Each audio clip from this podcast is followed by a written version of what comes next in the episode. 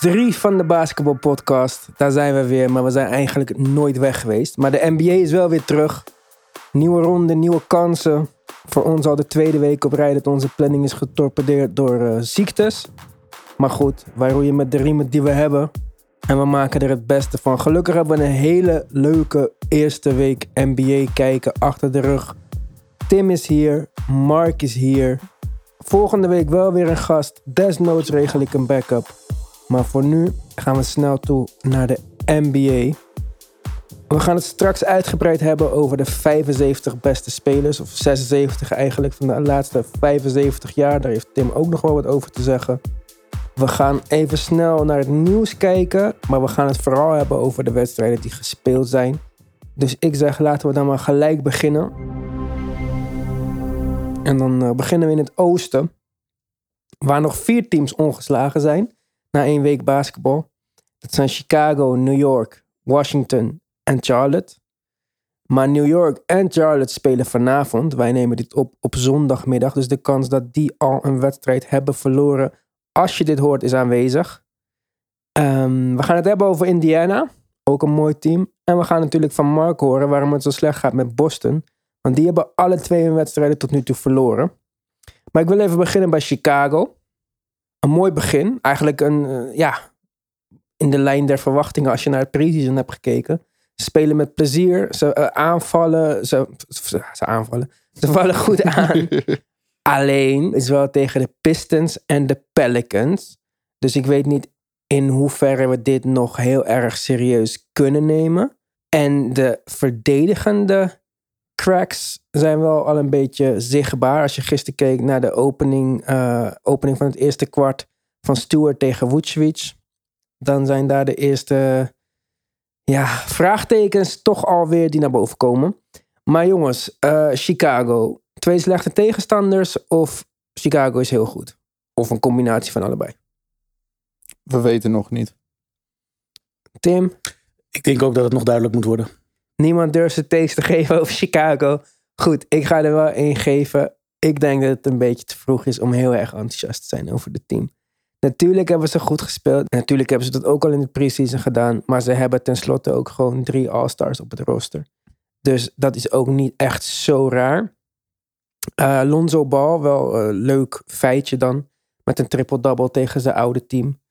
En dat was dan de eerste keer dat een speler onder de, wat was het, 25, dat heeft gedaan tegen drie, of heeft gedaan op drie verschillende teams. Goed, zei iemand al gelijk weer ook tegen mij.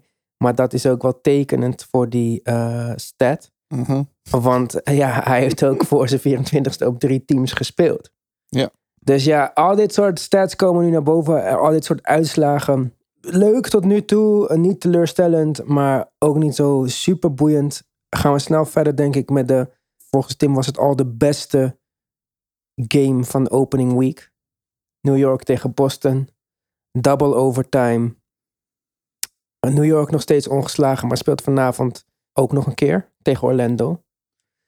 Nou, uh, ik heb New York sowieso gekeken. Dit wordt mijn uh, plezierteam om te kijken. Ik ga natuurlijk heel veel wedstrijden kijken, maar ik ga ook voor mijn plezier af en toe basketbal kijken. En daarom ga ik New York volgen, zoals ik eerder deed met Philly en daarvoor ook met New York. Wat ik van New York vond, is het volgende. Ze hebben dan wel twee keer gewonnen. Maar die eerste double overtime tegen Boston had al geen double overtime hoeven worden, want ze stonden gewoon heel veel voor. En ze hebben dat weggegeven op het laatst. Ze hebben een ja, ik wou bijna zeggen shitload aan creators. Want ze hebben Fournier, ze hebben Alec Burke, ze hebben Rose, ze hebben Kemba. Ze hebben uh, wat we nog niet weten, wat Quickly gaat worden dit jaar. Misschien RJ Barrett. Dus één op één kan iemand wel een kans creëren. Qua team offense was het nog vooral ja, kijken wat de speler met de bal gaat doen. En hun defense was nog niet zo goed. Dus ze missen die easy buckets die ze normaal krijgen in transition. Eén speler die daar wel al van geprofiteerd heeft is Obi Toppen.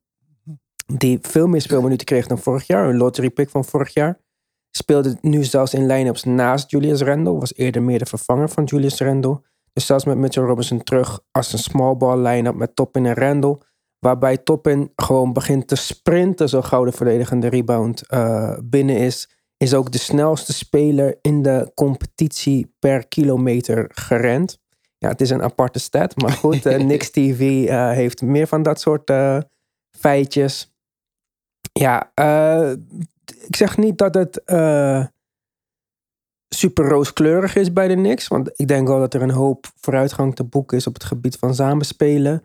En ook met Kemba Walker, die bijvoorbeeld nog niet echt super in de wedstrijden zat. Maar ze hebben gewoon genoeg spelers die hot kunnen worden. Was het één wedstrijd niet quickly, was het de volgende wedstrijd quickly met 4 van 8 van 3 en volgens mij 5 van 10 in totaal.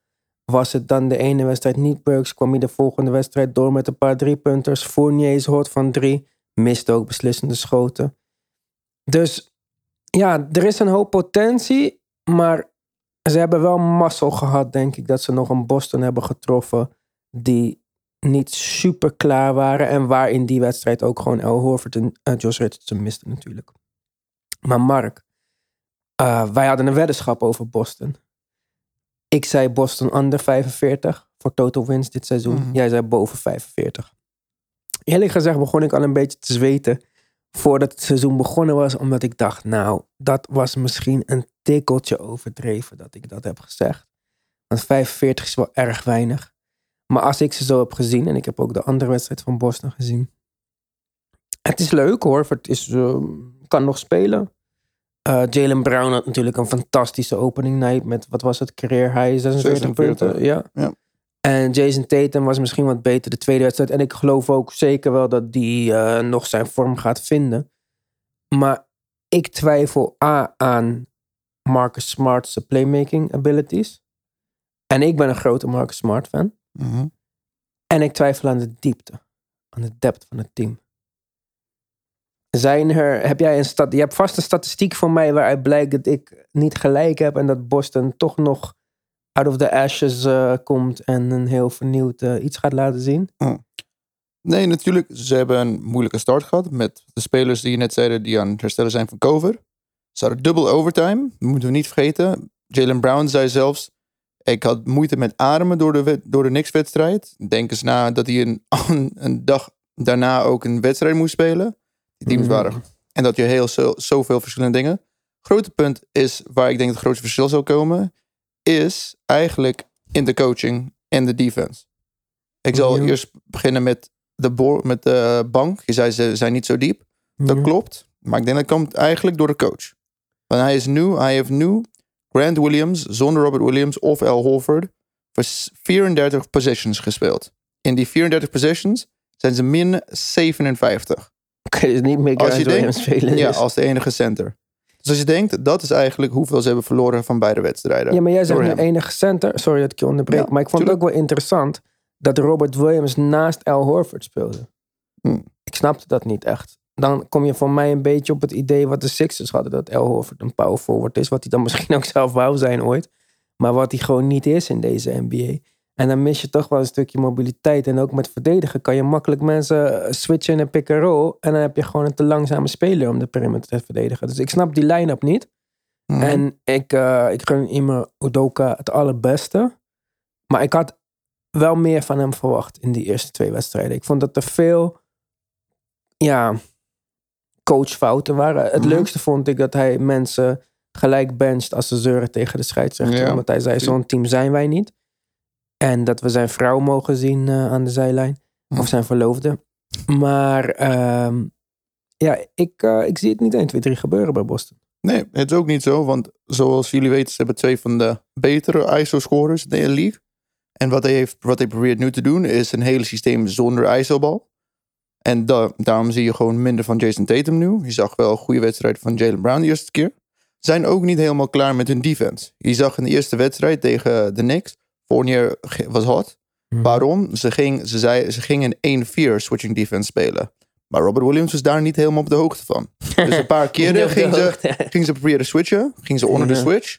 En ineens was Fournier helemaal warm-up drie's aan het nemen. Dat soort Ja. dingen zijn heel... Dat zijn, dingen, dat zijn dingen die eigenlijk je kan repareren en beter maken. En wat goed is over het team, waar ik eigenlijk heel veel positiviteit eigenlijk kan uithalen. Twee dingen eigenlijk. Eentje is Robert Williams is niet gelijk geblesseerd. En hij ziet alsof hij... Hij, Ja, maar hij als gaat- jouw positieve maar- punt is? Nee, de punt is meer... Hij ziet er alsof hij niet elke keer gaat springen als een rebound optie is. Hij neemt zijn tijd. Zij is een beetje aan het ontwikkelen in die zin. Mhm. En ten tweede, de team is e- eigenlijk helemaal achter Emeka Udoa. Want ze zeiden, kijk, ik, hij is de eerste zwarte coach die ze hebben gehad. En zij, zij wou echt heel graag Ja, een ze zwarte kennen coach. En ze willen, USA, zij gaan echt voor hem werken. Want zij willen niet hem in de steek laten. Ik denk, het team gaat beter worden daardoor. Ja, ze kennen elkaar van Team USA en dat geloof Mm. ik allemaal wel. Maar dat zijn allemaal, eh, ja, gevoelens takes, zeg maar. Mhm. En ik zie het gewoon op basketbalgebied niet. Ik denk dat ze. Ik, ik, ik, zie, ik zou nog steeds willen dat je die weddenschap afkoopt. Maar eh, nee, ze gaan vast wel eh 500 spelen dit jaar. Mhm. Maar ik vond de start ja, verrassend slecht. Ik had wel meer van ze verwacht. Ja, ja. Tim, wil jij iets aanvullen op de Celtics? Of zeg jij van nou... eh, Nou, niet gek veel. eh, maar ik had ook een betere start verwacht. Dat, eh, dat mogen duidelijk zijn. Ik zit net te kijken naar de statline van Marcus, Marcus Smart in die loss tegen de Raptors. Die is wat mij betreft veelzeggend. Hij speelde bijna een half uur eh, als point guard ehm, met nul punten en nul rebounds. Dat, eh, ja, het is wel raar. dat, ja, dat is, Ja. dat is veelzeggend. Niet alles, maar veelzeggend. Ja, ik ben echt Mark Smart fan. En ik heb echt altijd, ook altijd vertrouwen in hem. Ik zou hem bij eh, vijf andere teams wil ik hem altijd zien als, er, als hij in een trade rumor naar boven komt. Maar eh, aan de andere kant, even de Raptors niet vergeten. Scotty Barnes. Ik snapte die pick niet helemaal. Mhm. Maar die was gewoon de go-to guy uh, al in de eerste twee wedstrijden. Ja. Uh, ik vind wel dat ze Lowry echt missen. Van Vliet was tweede wedstrijd goed. Siakam is er natuurlijk nog niet. Mhm. Uh, Precious Achua speelt, die ze van de Heat hebben gekregen. Dus die trade was, of die sign en trade was niet helemaal voor niets in ieder geval. Ze hebben Mhm. daar toch uh, ja, een goede speler voor teruggekregen. En Dragic dan, die vast wel zijn draai gaat vinden of gebruikt kan worden in een trade. Maar Raptors, ehm, ja, wel oké. Verdedigend, Wij atletisch. dachten, is hun center? Nou, dat is dus Precious Achua. En eh, ze hebben een jong team. Uh, Ananobi kan nog beter. Ja. Absoluut. Ja, dus Siakam die nog terug moet komen. Scotty Barnes, Ananobi, Van Vliet. Ik zie het niet als totaal kansloos. Ze gaan hun draai weer een beetje vinden. Ze hebben het geweldige thuispubliek. Dat moet ze eh, ook een paar wedstrijden kunnen opleveren. Dus ik vind dat niet een slechte start van het seizoen. Misschien geen spectaculaire. Misschien hadden sommige mensen met de oog op het verleden. Met de Mhm. Rosens en Lowry's en Kawhi's en uh, Gazols en Ibaka's. Uh, ja, waren die iets wat teleurgesteld. Maar nee, ik vind voor wat ze hebben en wat ze konden doen, hebben ze het best wel aardig gedaan. Ja. Dus ik vind het wel goed. Uh, verrassend ook nog voor mij Washington, dat ze hebben gewonnen. Waar Bradley Beal ontbrak zelfs. Ja. Maar met Spencer Dinwiddie in de tweede wedstrijd met, wat was het, 40 plus punten of zo. Ja. Die is dus ook weer uh, terug van weg geweest. Kuzma die het aardig deed in de tweede wedstrijd. Die actief is op Twitter als het gaat om commentaar geven op uh, alle spelers waar een van zijn exen mee is geweest. Maar uh, ja, ga even wachten met Washington. Ze hebben gewonnen van de Raptors, ze hebben gewonnen van de Pacers. Ja. En natuurlijk zijn het goede wins. Maar er was ook wel wat, kwam wel wat geluk bij kijken, vond ik. Uh, Charlotte heeft ook twee wedstrijden gewonnen, maar die spelen vanavond, dus voor jullie gisteravond waarschijnlijk, tegen de Nets. En ik zou toch denken dat de Nets een keertje een wedstrijd gaan winnen. Want die zijn niet zo goed begonnen. 1-1 volgens mij zijn ze nu. Mhm. Ik gok dat ze, dus als je dit hoort, 2-1 staan. Wat mij opviel bij de Nets, maar dat hebben we ook al besproken in de Petje Af aflevering van afgelopen woensdag, is dat het samenspel er nog niet is. Waar het vorig jaar, vooral in het begin van het jaar, zonder dat de James Harden trade was gebeurd, zo'n prachtig teambasketbal, mooi systeem was, zie je nu toch veel minder uh, passes naar elkaar. Het was eigenlijk om de beurt een beetje proberen of James Harden of Kevin Durant. James Harden paste de bal amper naar Kevin Durant.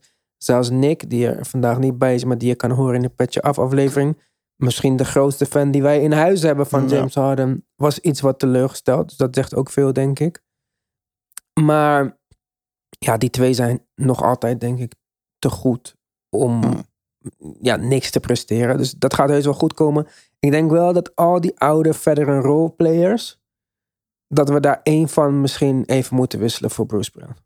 Ik snap het, je hebt veterans. Ik snap dat veterans precies weten wat hun taak is. Ik snap dat zij gaan doen wat de coach zegt. Ik snap dat allemaal, maar we hebben wat jong bloed nodig. Wat, wat meer een X-factor hier en daar, Ja. die een op wedstrijd met een moment kan beslissen. Want dat, dat kan je op dit moment niet meer verwachten van een Millsap en een Aldridge. Ja. Het is gewoon een beetje te veel van dat eh, oude gedoe. Mm, En zonder, zonder natuurlijk D'Antoni, het lijkt alsof mm, Steve Nash wat meer beïnvloed wordt door de wat meer senior spelers.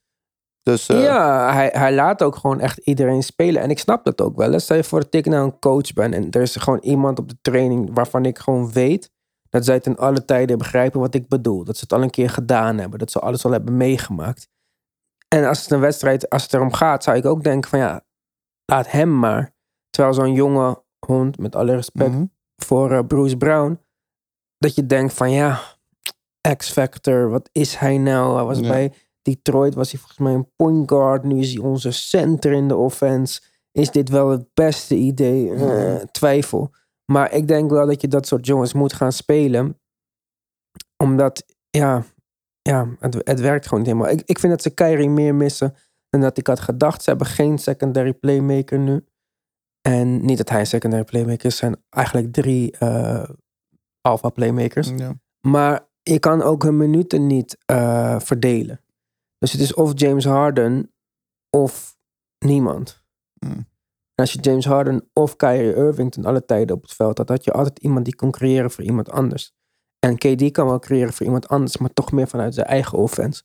Dus dat is wel jammer, vind ik. Maar ehm, ja, ik denk dat er nog geen man overboord is. Het zou helpen als ze een, ergens vandaan een, ehm, een andere playmaker kunnen krijgen. Hmm. Ik zou niet weten waar die nu vandaan moet komen. Het is natuurlijk nog veel te vroeg om over buyouts te gaan praten. Maar eh, ja, ze hebben nog wel iets nodig. Klein beetje Pacers dan. Omdat dit natuurlijk eh, een van Tim's favoriete teams is. Wat jullie hadden kunnen weten als jullie de Petje Af aflevering van vorige week hebben geluisterd. Wat wij natuurlijk iedereen aanraden die een extra aflevering in de week wil. Of die ons gewoon wil steunen omdat je ons leuk vindt en ons gunt dat deze podcast verder gaat. En bedankt aan iedereen die dat al wel doet. Maar de Pacers. Ehm, ja, Miles Turner, career high, belachelijke wedstrijd. Levert nog niet eens daar. Is gewoon die Duarte opeens fucking goed. Zie je ook weer een van de voordelen van een wat oudere rookie erachter. Ja. Want die zijn ready to play. En het ging zelfs zo ver dat eh, gisteravond hij het beslissende schot mocht maken in eh, regular time. Dus dat, dat, dat zegt wel veel. Coach geeft gewoon aan hem. De play was ook echt designed om de bal bij hem te krijgen. Ja, ik, ik vond het wel interessant. En ik had bij de eerste wedstrijd opgeschreven, want ik maak altijd aantekeningen. En dan had ik opgeschreven: zijn de Pacers wat diep genoeg? Maar toen dacht ik gisteren, shit man, wat als TJ Warren en Levert nu terugkomen? Waar gaat Ja. Duarte dan spelen? Dus Tim, jij als Pacers fan, tevreden met de opening week? Iets wat teleurgesteld? Ja, twee overtimes al. Zeker. En eh, om maar meteen over die diepte van die rotatie, eh, om, daarop in te gaan. Ehm, klopt, eh Carlisle speelde in eerste instantie heel weinig jongens. Dat werd ook meteen opgemerkt.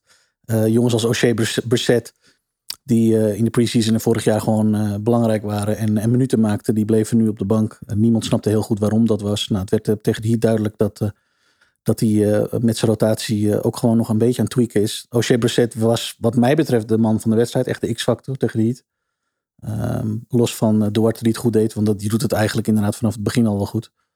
Ehm, maar ja, tevreden, ja. Want wat er eigenlijk gebeurde was dat de Pacers twee wedstrijden met één punt verschil verloren. Uh, waarbij vooral de verdediging wat mij betreft uh, de Achilleshiel was. Nou ja, daar ligt de nadruk op wat betreft Carlisle. Ik verwacht dat dat een kwestie van tijd is. Uh, want ik vertrouw Carlisle als coach wel. Dat, dat lijkt me gezien zijn, gezien zijn cv ook niet... niet Ze hebben personeel ook om ja, te verdedigen. Niet, absoluut. Um, en toen kwam de wedstrijd tegen de Heat, waarvan overigens voor de eerste keer thuis Pacers, dus voor hun dus de home opener, waarvan iedereen zoiets had, nou ja, back-to-back uh, en home opener, dit, dit, kan, dit kan niet goed gaan tegen een team van, als de Heat zijnde. Nou, dat uh, viel dus echt de andere kant op. Ik vond de Pacers goed, sterk, Duarte was sterk, maar uh, wat ik zei, Brissett ook. En uh, ze dwongen het echt af, um, ondanks dat Hero helemaal los ging vanaf de bank. Eh, ja, dus nee, eh, verrassend blij mee. En eh, dat zijn nou net weer signalen waarin je als Pacers fan denkt, goh, eh, als je weet dat Levert binnenkort terugkomt, als je weet dat Warren ook ooit wel een keer terugkomt, dan, eh, ja, dan is dit toch wel gewoon een serieus team in het oosten. Ja, ik vond het ook wel een grappige matchup gisteren als je keek naar Miami Heat. Eh, fysiek sterk, toughness. En dan de Pacers, die hebben misschien niet van die eh, super atletische spelers. Mhm. Maar het zijn van point guard tot center gewoon, nou misschien master niet helemaal, maar van point guard tot power forward in ieder geval high IQ spelers. En echt high IQ spelers. Ja. Met Malcolm Brogdon, met Sabonis en Duarte laat ook alleen maar goede dingen zien. Dus ik vind het wel een, een interessante ehm, samenstelling van het team. En ik denk dat Rick Carlisle ook de goede coach is voor dit team. Dat laatste denk ik ook. Ja. Ja, het, is een, het is wel een team die ook een.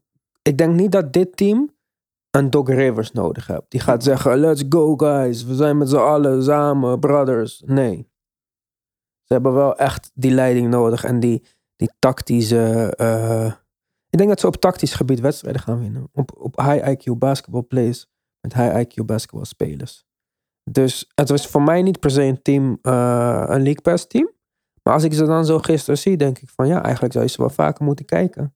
Want er komen wel leuke dingen uit. Bijvoorbeeld dat schot van Duarte, wat ik niet zag Ja. aankomen. Ik dacht, dat wordt sowieso iets van Sabonis of zo. En het was ook geen toeval. Want eh, Nee, het was echt twee, drie minuten daarvoor eh, was hij degene die, eh, en ik weet de stand op dat moment niet meer, maar gewoon de bal opbracht tegen, met PJ Tucker tegenover zich en dan gewoon een drie over hem heen schoot. Waardoor ze op dat moment weer op voor, voorsprong kwamen in een dus spannende slotfase. Hij krijgt dat vertrouwen en blijkbaar dus is, hij daar, is hij daar gewoon klaar voor. Ik vind dat als rookie. Hij laat goede dingen zien. Ja, het wordt een interessant. Maar is eh, 8 3 is niet te veel dan. Hij neemt 8 3's per wedstrijd. Maar hoeveel is heeft dat er niet een beetje? Eh 45% ja, is toch prima. Ja, maar dat is niet vol. Dat is, Het punt is dat hij nu een gat opvult wat er anders was geweest, aanvallend gezien, wat mij betreft. Duarte doet dingen die, die Levert, Levert is misschien een minder goede driepuntschutter, maar wel aanvallend productief, net zoals Duarte.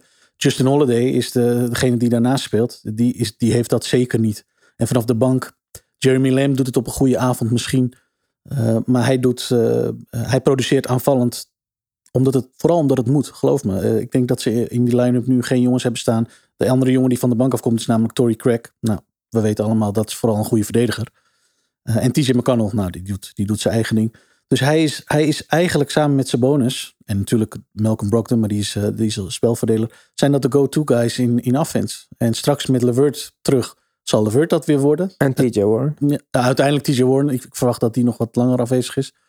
Ehm, dus het zal inderdaad interessant worden om te zien wat dan de rol van Duarte is. Maar wat je nu ziet is dat hij gewoon ehm, het gat opvult wat er anders, wat mij Ja, betreft, maar echt wel gaat was op geweest. wat? Ga je hem benchen als hij 20 Ja, punten per wedstrijd blijft scoren? Het wordt een interessante vraag. Levert gaat, moet, wat mij betreft, moeten starten. Het kan zijn dat ze hem in eerste instantie nog op de bank zetten eh, vanwege minutes restriction. Maar ik kan me geen scenario denken waarin Levert vanaf de bank gaat komen. Waarom Dus, niet? eh, omdat hij, nou, ik denk, één- Als, jou, als Duarte jou 3D geeft en 20 punten per wedstrijd met 45% van 3. Nou, ik denk niet dat het hele seizoen zo gaat blijven. nou, en, dat- Le, en Levert kan zijn eigen schot creëren. En die kan als soort van Ginobili van de bank komen. Waarom dan niet? Ik zeg niet dat dat ondenkbaar is. Ik zie het eerder gebeuren dat, eh dat Levert dan wel gaat starten, maar dat Duarte gewoon een groot deel van de minuten krijgt. Eh, waaronder eh, bijvoorbeeld in een line-up waarin Levert spelmaker wordt, eh, spelmaker wordt op het moment dat Brogdon op de bank zit. En dan Duarte naast zich houdt. Ja. Daarbij zou je nog kunnen kiezen voor een, eh, een line-up, maar dan speel je wel smal. Waarbij eh, Brogdon, Levert en Duarte op het veld staan. Dat is niet zo small toch. Brooklyn is ook 6'5. Ja. Duarte is 6'6. Er werd al over 6'5. gesproken eh, in, in de Pacers eh gelederen, zullen we zeggen. Dus dat, ook dat is nog. Trailblazers line-up is ten alle tijden kleiner dan dat in de backcourt. Ja. Dus, eh, maar goed. Ja, wat ik al zei, interessant team. We gaan het in de gaten houden. Voordat we naar de Western Conference gaan. Even kort wat nieuws. We hebben natuurlijk de Ben Simmons saga. Niet te al uitgebreid wil ik het daarover hebben. Niet omdat ik het niet leuk vind om erover te praten. Maar omdat iedereen dit waarschijnlijk wel een beetje weet. Ik denk dat de meest opvallende van de afgelopen dagen was dat hij weer terug is bij het team. Dat hij heeft gesproken met het team. Dat hij heeft gezegd dat hij er wel is, maar niet mentaal klaar is om te spelen. En dat ook Embiid voor de eerste thuiswedstrijd tegen het publiek zijn, eh, zei van... eh, eh, ja, go easy on Ben eigenlijk. Hij is onze brother. Dus oké, misschien verplicht om dat te zeggen, maar wat dan ook. Maar oké, eh, het is nu, de nieuwe richting is duidelijk. Ben Simmons is mentaal niet aan toe om te spelen. Kunnen we niet over speculeren. Voor hetzelfde geld is het echt zo. En dan eh, zijn we assholes. Dus ehm, het is wat het is. We gaan het zien. Wie weet eh, maakt hij het seizoen gewoon af bij de Sixers. Ik, ik had dat niet zien aankomen. Maar Daryl Morey was wel stellig toen hij zei... Ook al moet hij vier jaar eh, op de bank zitten. Het is wat het is. Hij heeft een vierjarig contract. En wij willen een speler ervoor terug die direct kan bijdragen. Dus voor hem is gewoon een pakket van jonge spelers of lottery picks of draft picks uitgesloten. Dat moeten gewoon gelijkwaardig goede spelers zijn. Nou ja, Ja. dan wordt het gewoon heel lastig. Dus ehm, en dat was dat. En dan hadden we natuurlijk de 75, later bleek 76, beste spelers van de laatste 75 jaar, maar volgens Tim 76 jaar. Dus eh, eh, dit, hier begint eigenlijk al een beetje de, ja, de oproer over dit onderwerp. Niet iedereen was het ermee eens. Waar de meeste spelers het niet mee eens waren, was, waren over de spelers die er aan zijn toegevoegd. Eh, later werd duidelijk dat de eerste 50 spelers die in de jaren 90 zijn gekozen ook erin bleven. Mhm. Dat kan je terecht vinden of niet. Ik denk dat het gewoon sowieso moeilijk is om spelers uit verschillende eras met elkaar te vergelijken. Ja. Dus ik denk dan van oké, laat die 50 voor wat ze zijn. Kies de 25 van de laatste 25 jaar. En laten we het zo blijven doen. Want ja, kijk, als je Carl Anthony Towns in 1940 zet, Ja. is hij waarschijnlijk de GOAT. Want er was gewoon simpelweg geen speler zo skilled. Ja. En hetzelfde geldt voor een Kyrie Irving bijvoorbeeld. Dus ik vind dat je die tijden niet met elkaar van kan vergelijken. Dus ik was oké met het feit dat die eerste 50 die eerste 50 zijn gebleven. Maar er waren wel voor mij een paar onterechte mensen die het wel gehaald hebben.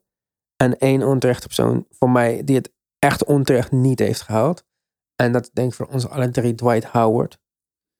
En waarom zeg ik dat? Ja, wat heeft die man allemaal niet gedaan? Wat is het? Vijf keer All-NBA First Team. Mhm. Met de Magic in de finals. Eh, versloegen zelfs LeBron met de Magic. Mhm. Eh, All-Star zoveel keer. Drie keer Defensive Player of the Year. Hoe vaak heeft hij niet de league geleid in blocks of rebounds? Het is, gewoon een, het is gewoon een beetje te veel. Ik heb het lijstje nu echt voor me. Acht keer All-Star, acht keer All-NBA, vijf keer All-Defense, drie keer Defensive Player of the Year, vijf keer Rebound Leader, twee keer Block Leader. Kampioen met de Lakers natuurlijk. 19.000 punten, 14.000 rebounds en 2000 blocks. En hij haalt het niet. En een speler die het bijvoorbeeld wel haalt, met acht keer All-Star, vier keer All-NBA, vier keer All-Defense, drie keer Block Leader, 13.000 punten, 6.000 rebounds en 1.000 bloks. 1.000 1000 bloks. Is Anthony Davis. Nou, of het nou daar was waar ze ruzie over hadden op de bank afgelopen week, dat weten we niet. Er was een aanvaring natuurlijk tussen Dwight Howard en AD. Hebben jullie vast allemaal gezien. Dwight Howard liep weg van AD. AD probeerde hem wat duidelijk te maken. Eh, ging nog naar hem toe toen hij op de bank zat. Dwight Howard stond op. AD zette zijn handen op zijn borst. En Dwight Howard struikelde eigenlijk wat over de stoel. Later zeiden ze, ja, het is allemaal goed. eh, we zijn, we are good.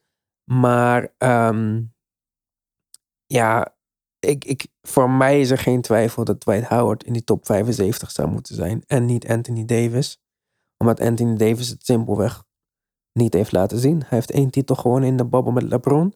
Daarvoor is hij nooit uit de eerste ronde van de playoffs gekomen.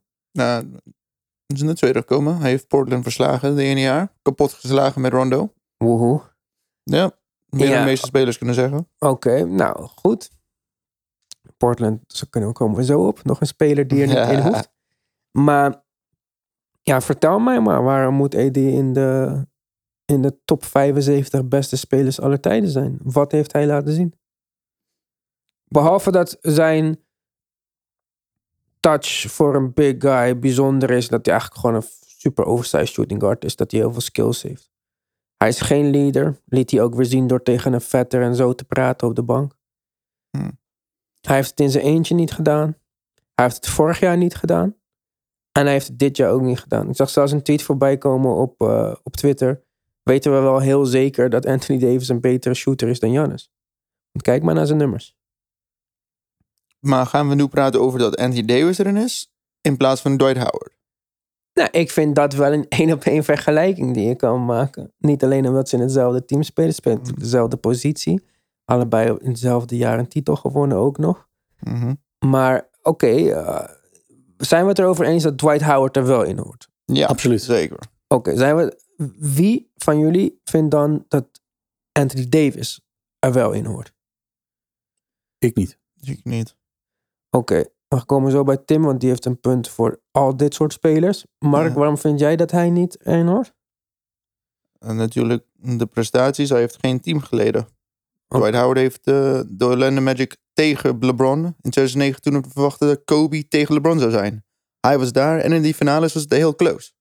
Hm. Zelfs de eerste vier wedstrijden waren besloten in de laatste twee minuten van de wedstrijd. Dus eh, als dat niet bizar goed is, dan weet ik het ook niet. Ja, plus die hele statline. Maar Tim, jij hebt een uitgebreidere eh, punt over dit eigenlijk. Ja, ik eh, heb er wat meer, überhaupt wat meer op tegen als er jongens die nu nog aan het spelen zijn in die lijst staan. Dat geldt niet voor alle jongens die nu nog spelen die erin staan.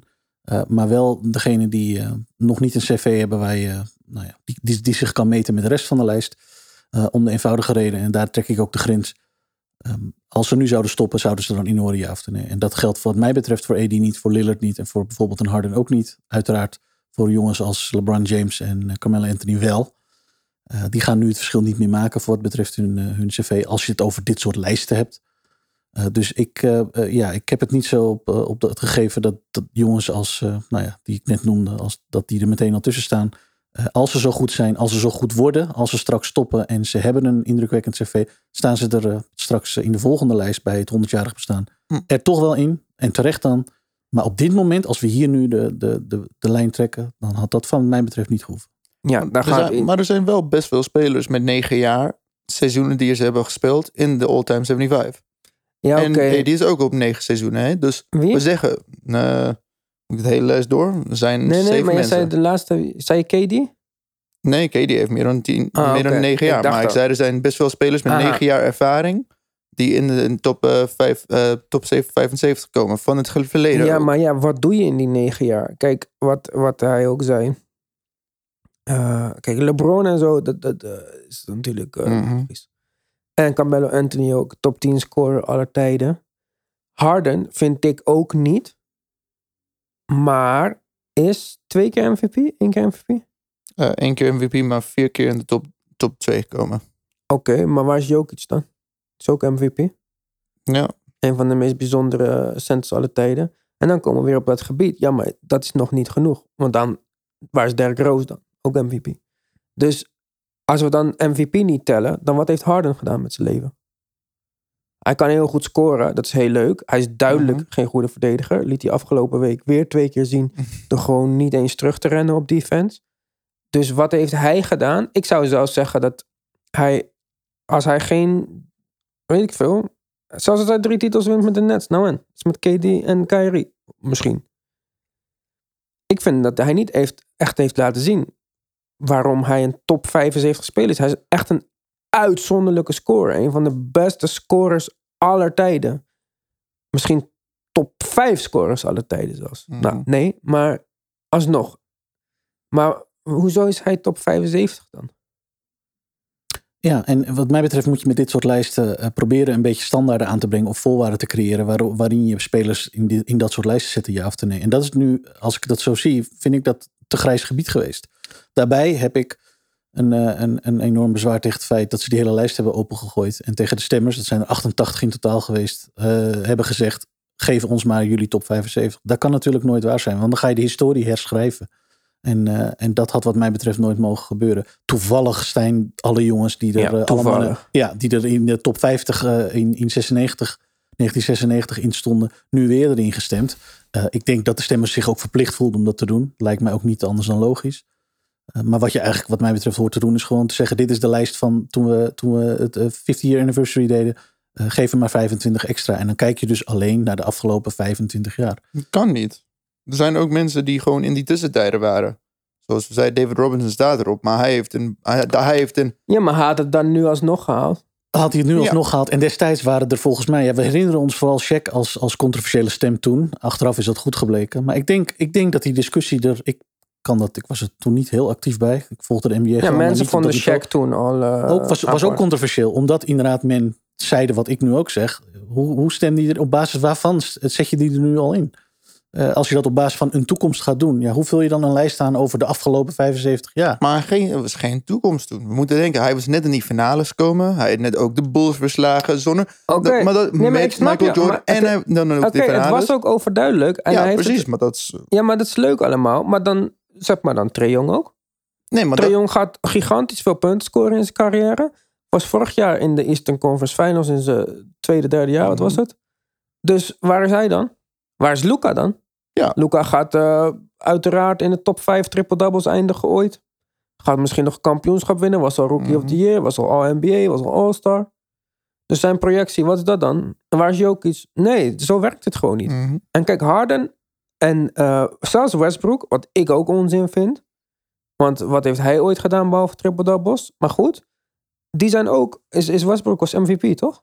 Hij is MVP. Hij is ook naar vijf Western Conference finales geweest. Oké, met, Nou, an- ik met zeg- ik zeg andere dat- mensen. Dat is wel belangrijk. Oké, James. Harden, ook MVP, scoring champ. En wel. Maar wat heeft Damian. Damian Lillard is niet eens MVP geweest. Precies. Damian, wat is Damian Lillard's CV? Damian Lillard Eén schot raak geschoten over Paul ja, George? ik, ik geef even snel zijn eh, CV op. Zes keer All-Star, Rookie of the Year.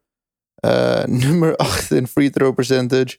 Nummer 10 keer eh drie punten gemaakt. Drie keer 60 punt wedstrijden gehad.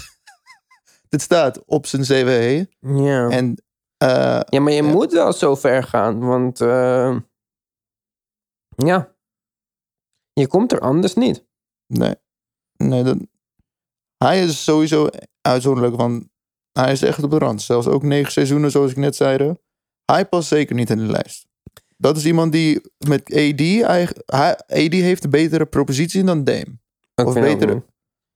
Dame heeft niks. Dame heeft beide niks op zijn CV. In beide, gevallen, eh, in beide gevallen doen we, is de discussie volgens mij eh, uiteindelijk eh, gaat over, hetzelfde, gaat over dezelfde essentie. En dan kunnen we zeggen, ja, Shaq was in 96 al wel goed. Eh, Oké, stel dat Shaq in 97 was gestopt. Had hij er dan nog steeds in gegooid, ja of nee? Volgens mij heeft Shaq zijn, zijn grootste successen Mhm. daarna behaald, niet ervoor. Tuurlijk wist iedereen op dat moment ook wel dat het een goede jongen was. Ik bedoel, dat hebben we met Mhm. Harden en Lillard nu ook. Wij weten ook wel dat het enorm goede spelers zijn. En dat er een reële kans is dat op de volgende lijst die jongens er gewoon op horen. Mhm. Maar nu zie ik nog geen overdu- overduidelijk bewijs dat dat zo hoort. En, dat, Nee. en daarom ga ik liever uit van, eh, nou ja, En ook, eh, volgens mij vind zat andere namen die zich wel kwalificeren. ook geen two-way player. Dus ik vind, als, we, als two-way player niet belangrijk is, dan waar zijn de verdedigers? Ja. Ik noem maar wat. Vier keer Defensive Player of the Year, three-time block leader, eight-time All-Star, drie keer All-Defensive Team, twee keer rebound leader. De Kemba Mutombo. Tombo, ja. Waar is die dan? Ook in de finales geweest. Ja, maar, waar- 2001. maar dus, wat, wat, ik snap het dan niet. Ik snap niet op basis van wat Damian Lillard het wel haalt. Kijk, als je zegt van ja, als je MVP bent geweest, dan hoor je bij de 75 beste spelers. Ja. Want elk jaar heeft een beste speler. Ja. Dus jij was het blijkbaar dat jaar. Nou, dan ik las- vind ik dat een punt, hè?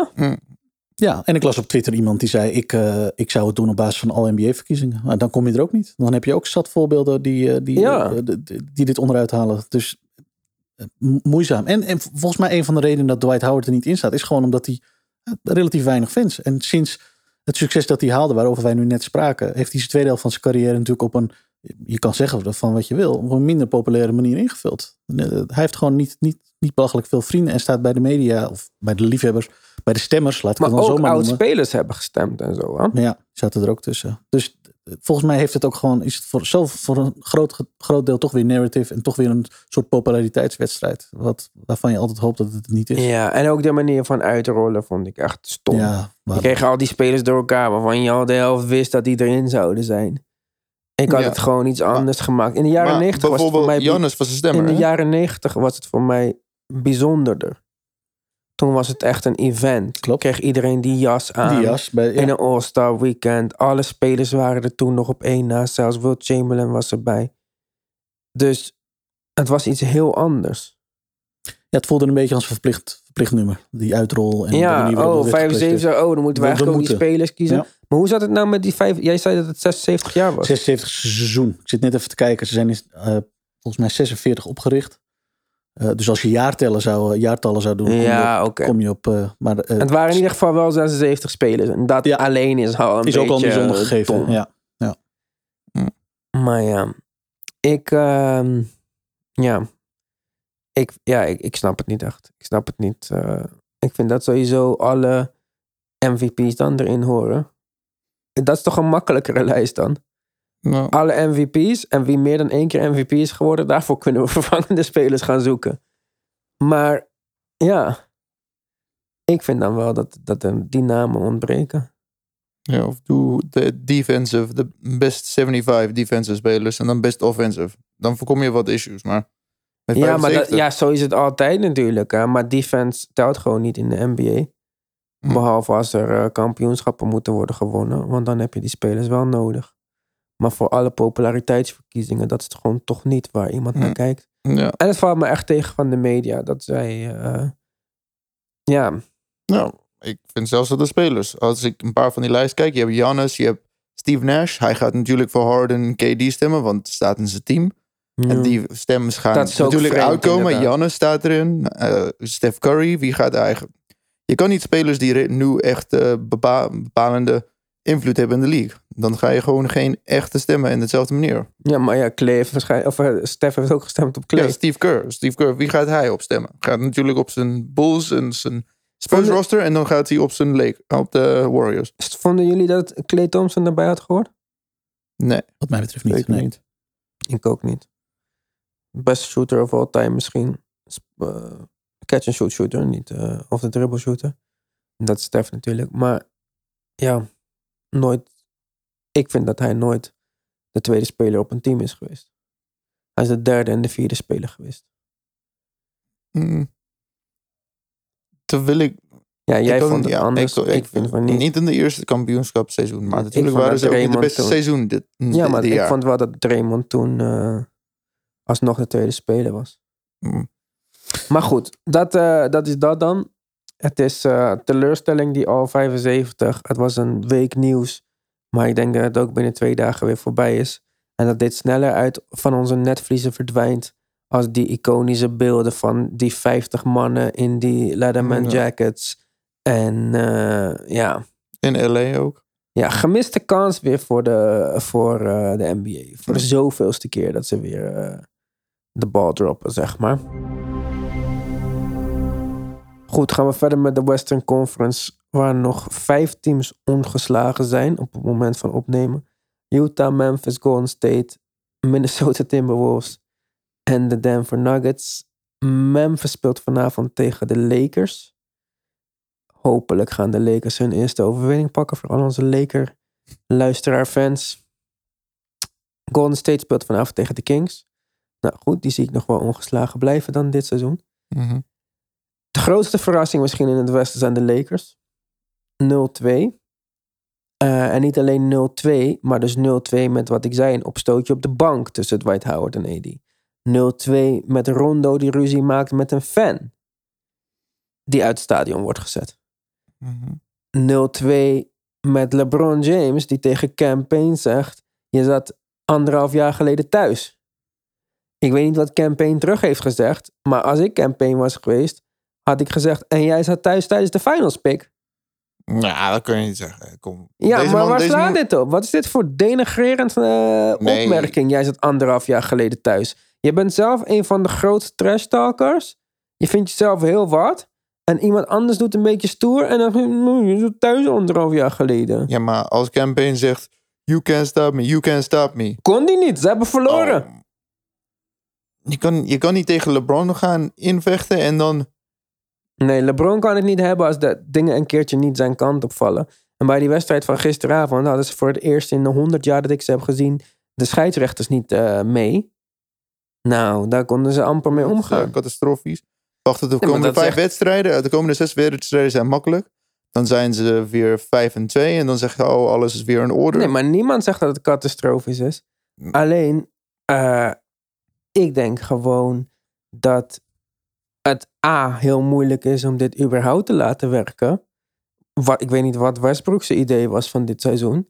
Maar die is gewoon het veld opgestapt alsof hij eh, in zijn derde jaar bij OKC staat. Neemt, weet ik veel, vier pull-up drie-punters. Mhm. Het werkt gewoon niet. En er waren line-ups, maar dat hebben we ook al besproken in de, Petje op. in de Petje Af aflevering. Met Monk, met Westbrook en Rondo. Rondo was dan van drie goed in de tweede wedstrijd. Oké, toeval of niet. Misschien eh, gaat hij dat gewoon doen. Maar het is gewoon niet genoeg. Het is gewoon, eh, het werkt niet. Op papier werkt het niet. Het, het, wordt gewoon tijd dat eh, Vogel zegt tegen AD, trek je luier uit en ga fucking op de vijf spelen. Want dit met DeAndre Jordan werkt niet. En met DeAndre Jordan en dan backup Dwight Howard. Het werkt gewoon niet. Het gaat nergens over. Het is een domme line-up. Het team past niet bij elkaar. Ze zijn te oud. En eh, LeBron is eigenlijk het lichtpuntje van dit team. En dan zegt iedereen thuis, ja, dat is hij altijd. eh, alleen jij bent een hater. Nou, hij schiet gewoon heel goed van drie. Als hij dit zo door gaat zetten, dan eh, ja. schiet ze ook trouwens in garbage time, waar het er niet meer toe doet. Als hij maar in de buurt komt van zijn records. Maar ja, ik vind dat hij gewoon goed speelt. Ik vind niet dat je kan zeggen dat LeBron niet te goed aan het seizoen begonnen is. Ja. Maar AD is niet goed begonnen. Westbrook speelt zoals hij altijd speelt. Ik denk gewoon dat het ook gewoon niet past in dit team.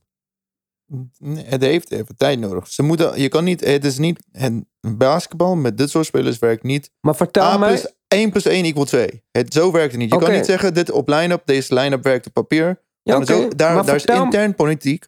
Dus zij zijn bezig met Ja, Westbrook dat- naar de bank zetten. Dat is de plan. Maar je kan niet gewoon, Westbrook, we wij gaan jou... Want dit is, wij zien het al. Toch? Wij zien, hij moet eigenlijk van de bank Ja, maar- hij zo min mogelijk met LeBron speelt, toch? Ja, maar daarom zeg ik Maar, dat, maar zo werkt het niet. Je moet gewoon alles...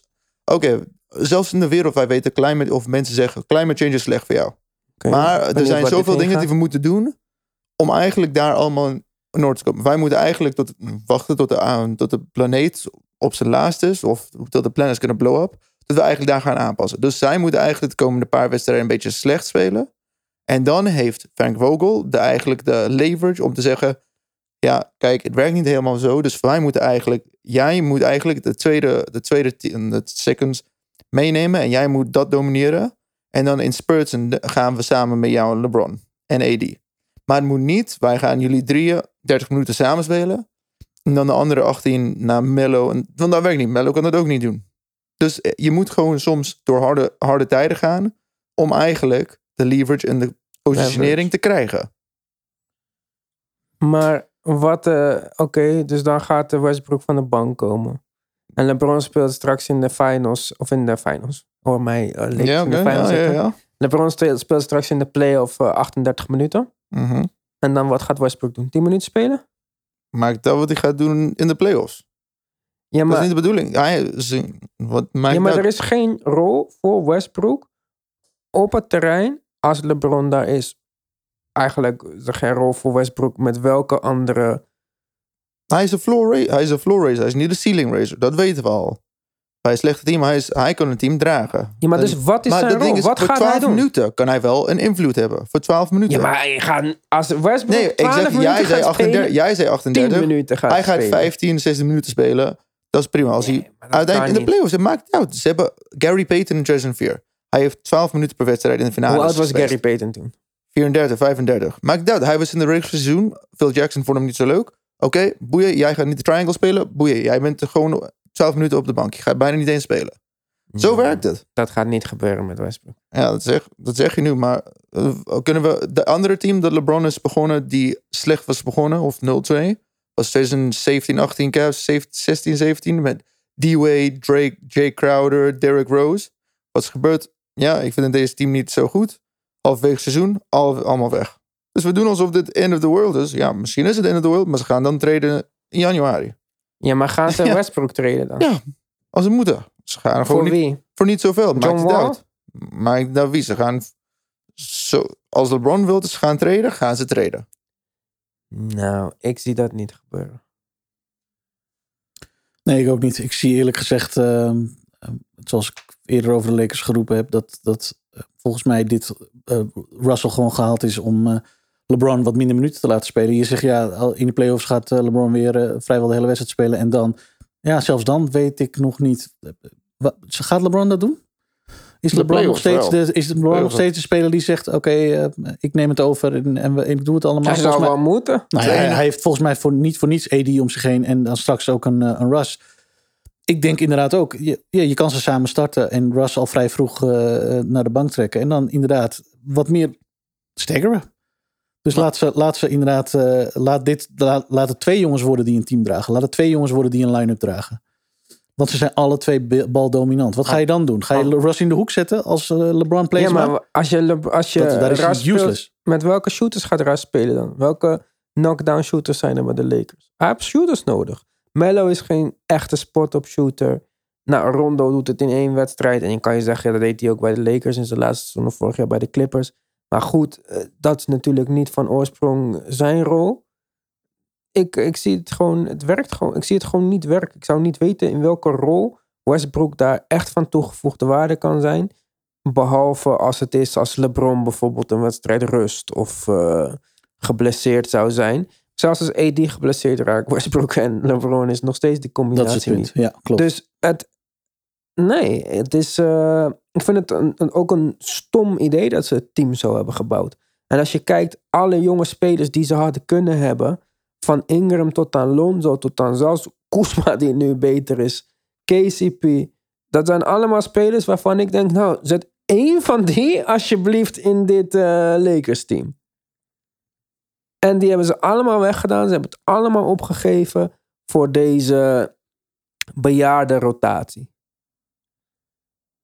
Hm, ik zou niet zeggen bejaarde rotatie. Anders hadden ze geen AD. Ja, maar ja, ik vind helemaal we doen alsof de Pelicans eh, rustig... Oh ja, we geven, we geven jou korting eigenlijk. Wij- Jullie mogen Lonzo eigenlijk houden. Nee, ze wou alles en alles Ja. en nog alles hebben. Ik, dus, denk eh, dat, ik denk dat het AD-babbeljaar een vloek was. En ik denk niet dat... eh, Maar ik denk dat de rotatie nog wel gaat veranderen. Dit is natuurlijk geen sample size. Eh, ja, Ellington komt nog terug. Ariza, eh, Ariza en komt zo. nog terug. Ja, Taylor ze hoort niet samen kunnen Waar ze, veel, waar ze veel van verwachten, komt nog terug. Hmm. En dan kunnen we zeggen, ja, gaat dat het, wereld, gaat dat het verschil nou maken? Nou, dat weet ik niet. Maar het gaat er in ieder geval anders uitzien. Eh, zeker anders dan als dat het nu gaat. Want dat het niet loopt is volgens mij wel, wel duidelijk. Ja, ik betwijfel dat dat wat gaat worden. Maar goed, laten we het een beetje positief afsluiten dan. Minnesota moet ik nog maar zien. Dus eh, daar eh, gaan we het niet over hebben. Dus eh, sorry alle Anthony Edwards fans. Trouwens, Jalen Green is de nieuwe Anthony Edwards. Ja, Want die zei al, ik vind het niet leuk dat ik niet bij het top 75 eh, team zit. Dus vanaf nu ga ik spelen met een chip on my shoulder. heeft net twee wedstrijden gespeeld, niet eens double figures, maar oké. Eh, Utah, als je deze podcast volgt, dat was mijn tip voor eh, regular season eh, nummer 1. ja. Dus dat komt dan niet als een, als een verrassing. Memphis, nou, die gaan vanavond tegen de Lakers spelen, zoals ik al zei. Dus waarschijnlijk zijn die niet meer ongeslagen. Oh. Denver. Ja, Denver. Ik, eh, iets wat teleurgesteld in Michael Porter Jr. Misschien ben ik dan iets te voorbarig. Had ik gelijk die stap willen zien die bij Mhm. zijn contract past. Ik had gedacht, hij komt echt uit de startblokken als een all-star. Mhm. Heeft hij niet gedaan, vind ik. Ehm, ik heb ze wel gekeken, maar dit wordt voor mij geen League Pass team. Ik vind het zonder Murray niet echt super leuk om te kijken. En Murray is niet eens mijn speler, maar ik vind het team dan gewoon leuker. Mhm. En Ja. ja, Jokic is natuurlijk fantastisch, maar ja, ik weet het niet. Ik denk niet dat zij, eh, ik denk dat dit eh 2-0 record niet een, eh, een weerspiegeling is van de rest van het seizoen. Maar de Golden State Warriors, Oké. heel veel mensen die dachten het wordt nog een jaar helemaal niets en zo. Nou, die zijn toch even uit de startblokken gekomen. Eerste wedstrijd natuurlijk al Stef met een triple-double voor het eerst sinds 2016. Vond zelf dat hij heel slecht had gespeeld. Dus de volgende wedstrijd heeft hij gewoon zijn punten totaal, eh, weet ik wat, keer 2,5 gedaan. We hebben natuurlijk Jordan eh Poole. Ja. Die misschien eh, uit de startblok is gekomen als Six Man of the Year kandidaat. Dan hebben we nog niet eens Wiseman en Kaminga gezien. Ja. Wiggins nog niet eens zo goed, eigenlijk. Maar Draymond, Steph, Poole, Igodala, die een stuk beter eruit ziet dan de afgelopen twee jaar. Niet te geloven. En eh, wat ik al eerder had gezegd, vooral in de eerste wedstrijd, Bielica. Ja. En ook eh, high praise van Draymond Green gekregen, Bielica. Dit is ook weer zo'n high IQ team. En vooral met dan die line-up met Bielica, Green en Curry en Igodala. Poeh. Ja. En meer dan elk ander team vind ik dat ze nu al, en dat komt ook omdat zij hun systeem natuurlijk altijd spelen en daar altijd aan vasthouden, dat het al draait. Ja. Ze weten al wat ze moeten doen allemaal. En dat is wel de kracht van een Warriors-organisatie, denk ik. Daarom ben ik ook heel benieuwd wat Kuminga en eh Wiseman gaan toevoegen. Want daar is de rolverdeling, staat gewoon vast voordat de spelers er überhaupt zijn. En die spelers moeten dan ook worden aangetrokken. Dus ja, misschien niet verrassend voor alle Warriors-fans. En daar hebben we er best wel een paar van. Ja. Eh, Robert, bijvoorbeeld. Tarun. Onze petje af van supporters. Dus ja, ik, ik vond het in ieder geval heel leuk om te kijken. Golden State is nooit een van mijn League Pass teams geweest. Ook niet in een 72 win seizoen, 73, wat was het? Niet in 2013, 14? Echt een begin. Niet echt. De, ja, Nee, ze waren niet echt zo goed onder Mark Jackson. Dat was echt moeilijk om te kijken. Ja, maar ik vond het altijd wel bijzonder. En ik heb ook geen hekel aan geen een van die spelers. Maar ja, ik weet niet. Nooit echt naar gekeken. Maar dit jaar heb ik, ik heb tot nu toe alle wedstrijden gekeken. Mhm. En ik vind het wel leuk om te zien. En het is ook gewoon leuk omdat je weet wat een soort van het plan is. Ja. Er is niet zo frustratie bij het kijken van dat team. Ik denk dat veel andere teams waar je fan van bent tot frustratie kunnen leiden. Bijvoorbeeld als je fan bent van de Knicks, wat ik ben geweest jarenlang. Of nu, als ik fan was van Dallas, zou ik gefrustreerd zijn. Met al die eh, post-touches van Dorian Finney-Smith Ja. en van Porzingis. en ik zou sowieso in het algemeen gefrustreerd zijn door Porzingis. Ik zou gefrustreerd zijn met Jason Kidd. Dus, maar bij de Warriors is er weinig om gefrustreerd over te zijn. De filosofie is duidelijk. De filosofie is, is een mooie basketbalfilosofie. De bal delen of bal cutten. Ze hebben veel spelers die ook onbal skills hebben. Stef natuurlijk. Ja. Dus ja, het is een team waar je niet echt... Soms winnen ze niet. Want dat kan gewoon. Ja. En voor de rest weet je dat, ja, de, de bedoeling is goed in ieder geval. Ik weet niet, ik vind het een van de meest eh, positieve organisaties. En dat zie je dan ook dit jaar weer terug. Als iedereen een beetje fit is, dan zijn ze gelijk eh, Ja.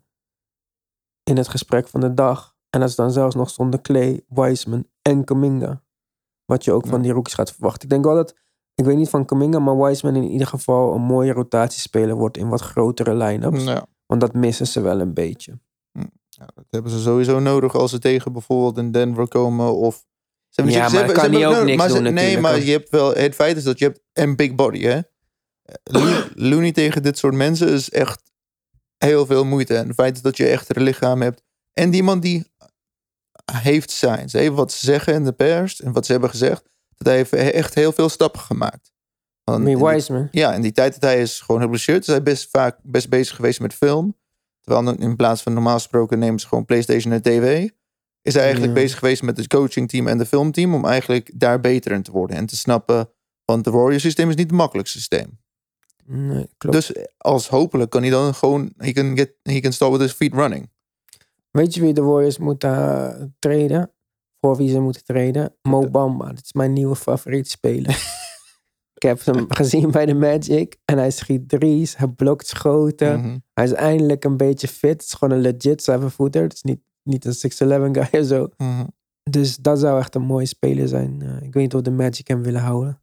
Maar goed, we zitten in de Western Conference. Tim, Dallas, gaat het goed komen of niet? Het is de vraag.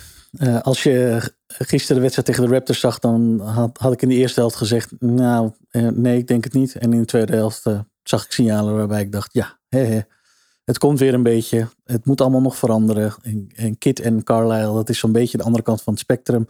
Als je kijkt in, in coachingstyles, daar moet dit team gewoon aan wennen. En als dat straks allemaal een beetje loopt en draait, dan komt het wel. Ehm, laat ik daar maar een beetje bij blijven dan. Maar eh, er waren gisteren voor het eerst in ieder geval signalen dat het, eh, dat het weer de goede kant op ging. En die had ik daarvoor nog wel gemist, ja. ja. Wat vind je van Porzingis dan?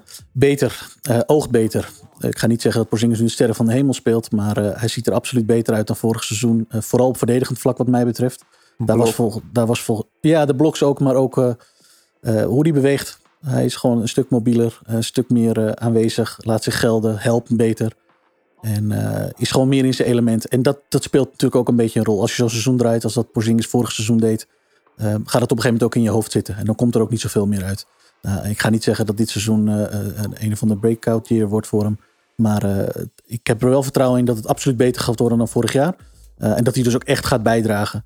En daarvan zag ik, nou ja, gelukkig zie ik daar wel dit seizoen wel signalen van. Ja. Maar wie heeft bedacht dat hij een postspeler is? Ja, vooral hij zelf merk ik ook.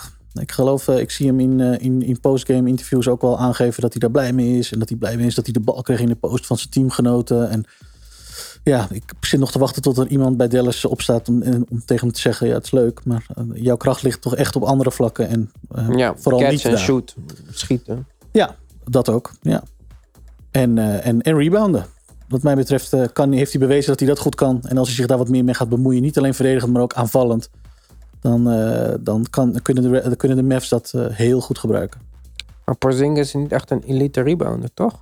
Nee, maar wel eentje die het goed kan. En wel eentje die bijvoorbeeld in New York, want we kennen al die highlights van die offensive putbacks die hij geeft. Eh, als hij zich er, als hij maar de effort toont en de timing heeft. En ik weet nog niet of hij nog steeds zo kan springen als dat hij daar deed. Maar rebound is voor een groot gedeelte ook gewoon effort. Behalve Mm. dat het ook timing en andere elementen in zich heeft, is het ook gewoon een, voor een deel effort. En ehm, als hij. Een ander deel van de Mavs namelijk, het probleem is dat eh, de rotatie nog niet helemaal loopt zoals het zou moeten. Eh Paul staat er nog steeds in. En je hoort al heel veel geluiden van fans die zeggen: haal Powell eruit, zet KP op de 5 en zet Reggie Bullock erin.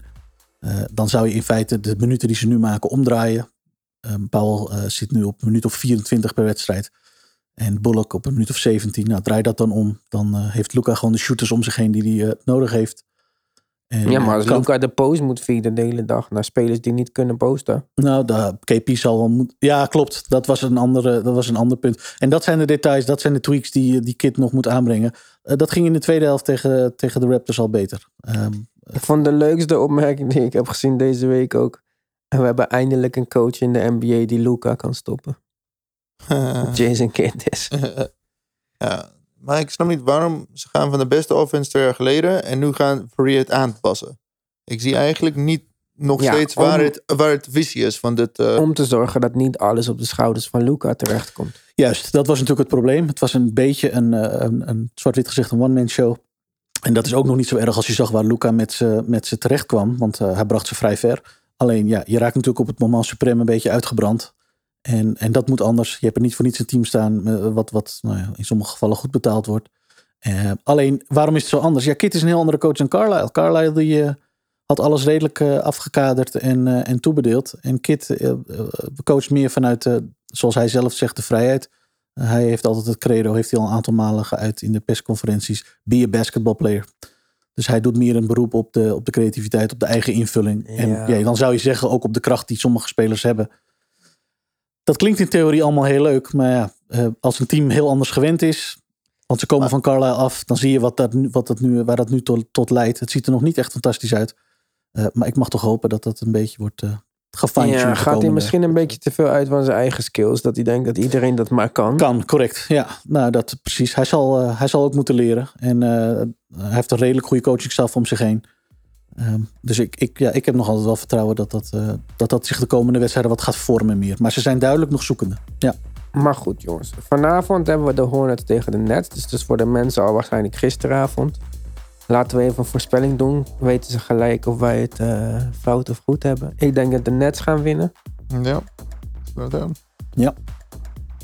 Oké, hebben we dan nog mooie wedstrijden deze week waar we naar uitkijken? Nou. Ja, jij zegt trouwens Lakers winnen van Grizzlies. Ik ben heel benieuwd. Ja, ik denk het wel. Als ze het nu ook niet gaan. Back-to-back ook van de Grizzlies. Ja, en Maar als het is een jong team Ja, het begin maar, van het seizoen. Ja, nee. Daarom. Ik zie ze toch wel winnen van dit. Oké. Goed. Ik zag nog andere wedstrijden, maar die echte toppers komen na woensdag. En dan zijn wij er weer met petje af. Dus dan eh, ja, hoor je ons alweer. In die tussentijd wil ik jullie veel plezier wensen met het kijken van NBA. Wij hebben misschien dan weer een hoop te klagen gehad in deze aflevering. Maar er is zeker mooi basketbal geweest afgelopen week. En ik ga er ook gewoon gewoon vanuit dat het deze week weer gaat zijn. Dus eh, Kijk met ons mee. En dan eh, horen jullie woensdag weer van ons. Fijne werkdag waarschijnlijk.